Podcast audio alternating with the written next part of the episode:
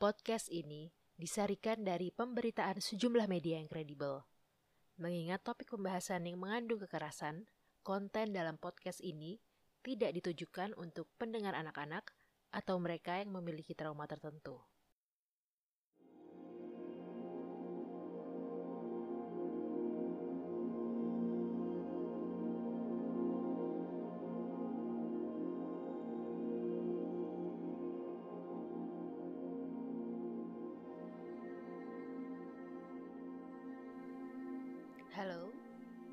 Selamat datang di episode ketiga catatan kriminal.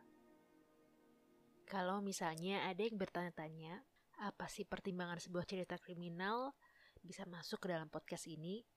Jawaban saya ada satu, yaitu ada satu cerita tersendiri di balik peristiwa kejahatan itu. Dan yang akan saya ceritakan ini punya cerita mirip dengan plot film. Mungkin banyak yang belum tahu dengan kasus ini. Karena saya yakin peristiwa ini terjadi saat banyak pendengar podcast ini masih kecil atau malah belum direncanakan kelahirannya. Kisah ini terjadi pada tanggal 13 Agustus 1988.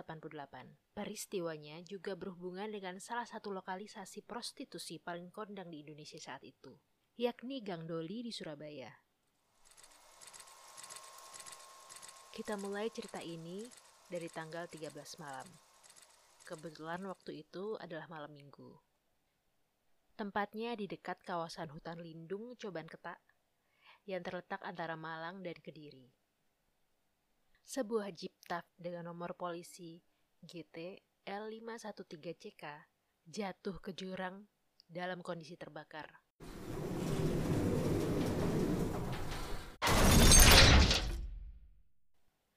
Lima orang dalam mobil itu ditemukan tak bernyawa.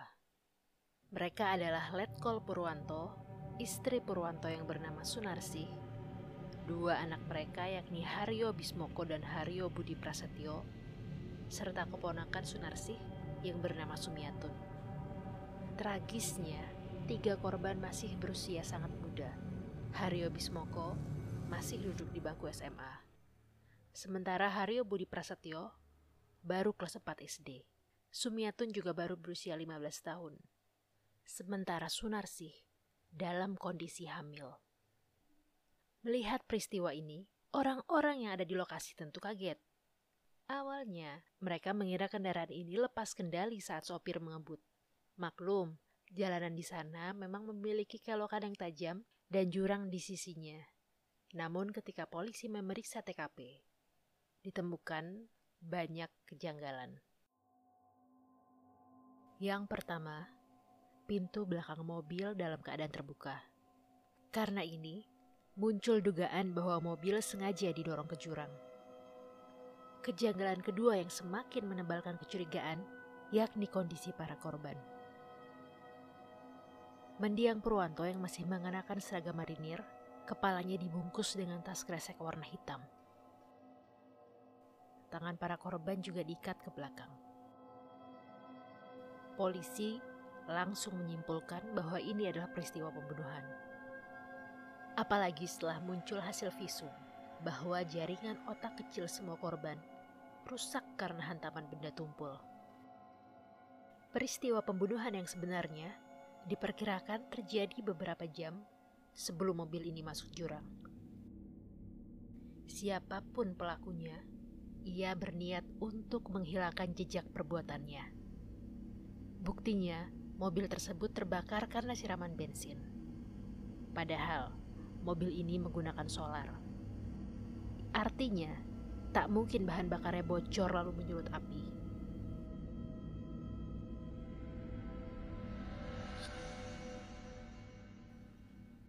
Berlanjut di rumah duka para korban, polisi kembali menemukan satu hal yang tak wajar. Adi Prayitno salah satu teman dekat korban, dianggap bereaksi secara berlebihan di rumah duka. Prayitno bersama dengan istrinya yang bernama Sumiarsi sibuk menghibur anak sulung Purwanto. Si sulung menjadi satu-satunya anggota keluarga Purwanto yang lolos dari pembunuhan. Karena saat itu ia menjalani pendidikan sebagai taruna di Akademi Angkatan Laut. Tak cuma itu, Praitno juga membukakan peti saat anak Purwanto ingin melihat jenazah keluarganya untuk terakhir kali. Ia juga mengatur kursi, merekam dokumentasi suasana rumah duka, sampai memberikan keterangan pada wartawan. Polisi diam-diam menandai Praitno. Ketika diajak mengobrol, keterangannya sering menyesatkan. Di kemudian hari, saat berbicara dengan wartawan, seorang tetangga akhirnya mengaku bahwa ia sempat melihat Praitno menjelang malam tanggal 13 Agustus, yaitu tanggal terjadinya pembunuhan. Praitno terlihat pergi dengan mobil bersama Purwanto di sampingnya. Saat ditanya, Praitno mengatakan bahwa ia sedang ada bisnis dengan Purwanto. Tak ada yang menyangka, sosok Purwanto dalam mobil ini sudah tak bernyawa.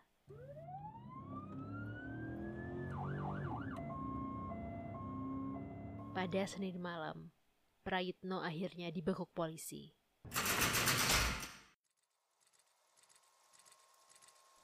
Prayitno dan Purwanto rupanya sudah mengenal sejak lama.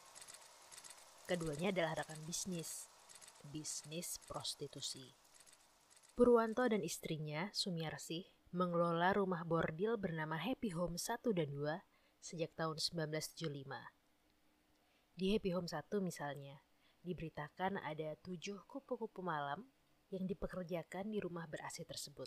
Sekali main, tarifnya berkisar antara 10 sampai 15 ribu rupiah.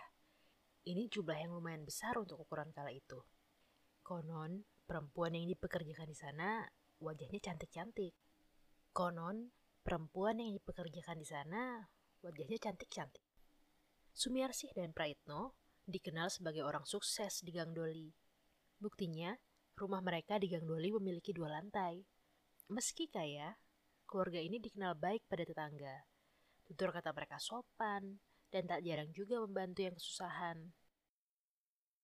Para tetangga tahu pasti kedekatan Prayitno dan Purwanto.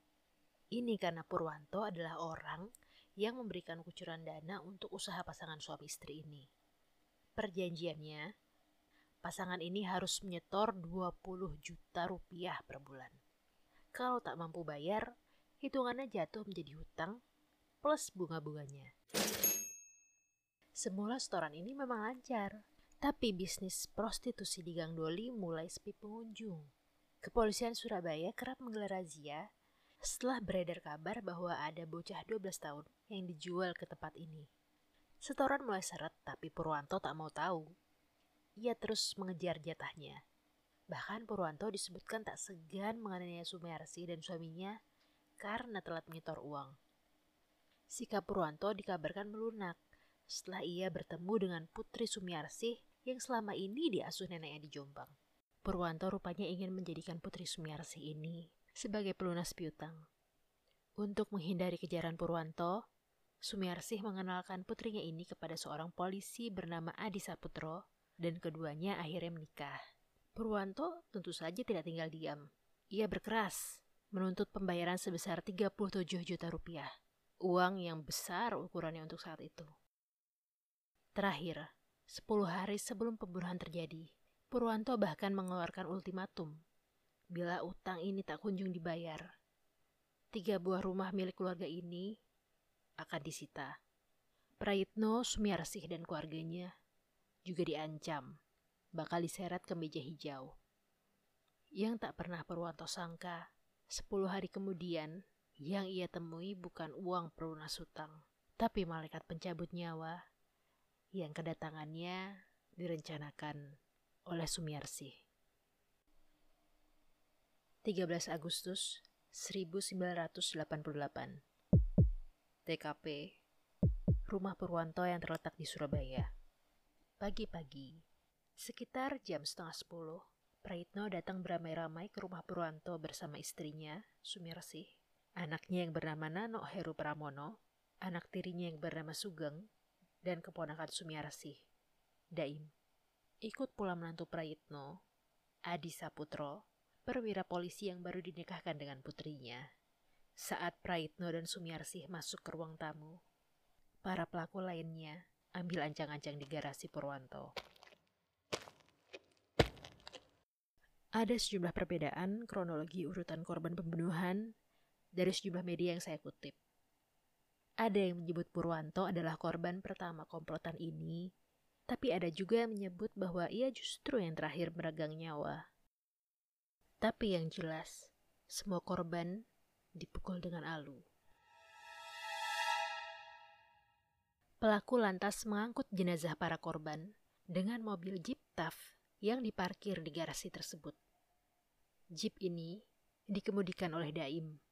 Sementara pelaku lainnya menumpang sebuah mobil Suzuki Carry yang dikemudikan Prayitno. Dengan beriringan mereka menuju Coban Ketak dan sisanya seperti yang sudah diceritakan di awal podcast ini.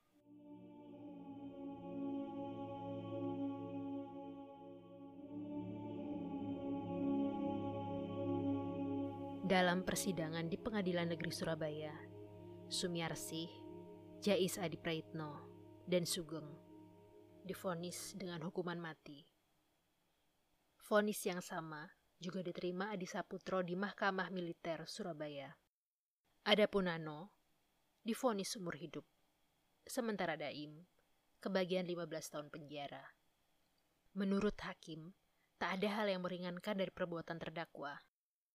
Proses persidangan kasus ini sangat menarik perhatian masyarakat kala itu Bahkan sidang yang beragendakan vonis, penontonnya luber sampai ke halaman. Hukuman mati yang dijatuhkan kepada Sumiarsih, Adi Praitno dan Sugeng disambut dengan teriakan gembira pengunjung sidang. Yang paling awal menghadapi eksekusi mati adalah Adi Saputra. Ia tewas diterjang timah panas sergu tembak anggota Kodam 5 Brawijaya pada 1 Desember 1992. Sementara Praitno meninggal dunia sebelum ia menghadapi eksekusi. Ia meninggal karena serangan jantung pada tahun 2001. Di usianya yang sudah senja, Praitno memang dikabarkan sudah sakit-sakitan. Sementara itu, Sumiarsih dan Sugeng dua dekade mendekam di penjara sebelum akhirnya dieksekusi. Selama itu pula, bersama dengan kuasa hukumnya, keduanya mencari cara untuk meringankan hukuman, termasuk gerasi sampai peninjauan kembali. Namun semua gagal. Dua hari sebelum dieksekusi, ibu dan anak ini bertemu di rutan untuk terakhir kalinya. Sumiarsi disebut meminta maaf pada Sugeng karena telah melibatkannya dalam pembunuhan. Tengah malam menuju tanggal 19 Juli 2008, Sumiarsih dan Sugeng berdiri di depan regu tembak. Ada 12 pucuk senjata laras panjang yang diarahkan ke sebuah tanda hitam di bagian dada baju mereka. Ada enam bedil yang berisi peluru tajam, dan sisanya adalah peluru hampa. Anggota regu tembak tak tahu senjata yang mana yang akan mengeluarkan peluru tajam yang akan menewaskan kedua terpidana. Kedua mata Sumiarsih dan Sugeng ditutup dengan kain warna hitam. Tubuh mereka diikat pada tiang penyangga dalam posisi berdiri. Komandan regu mengacukan pedang ke depan sebagai aba-aba untuk mempersiapkan diri, dan dengan cepat disentak ke bawah sebagai perintah menembak. Malam itu, nyawa ibu dan anak ini menyusul korban-korban yang telah kehilangan hidupnya di tangan mereka.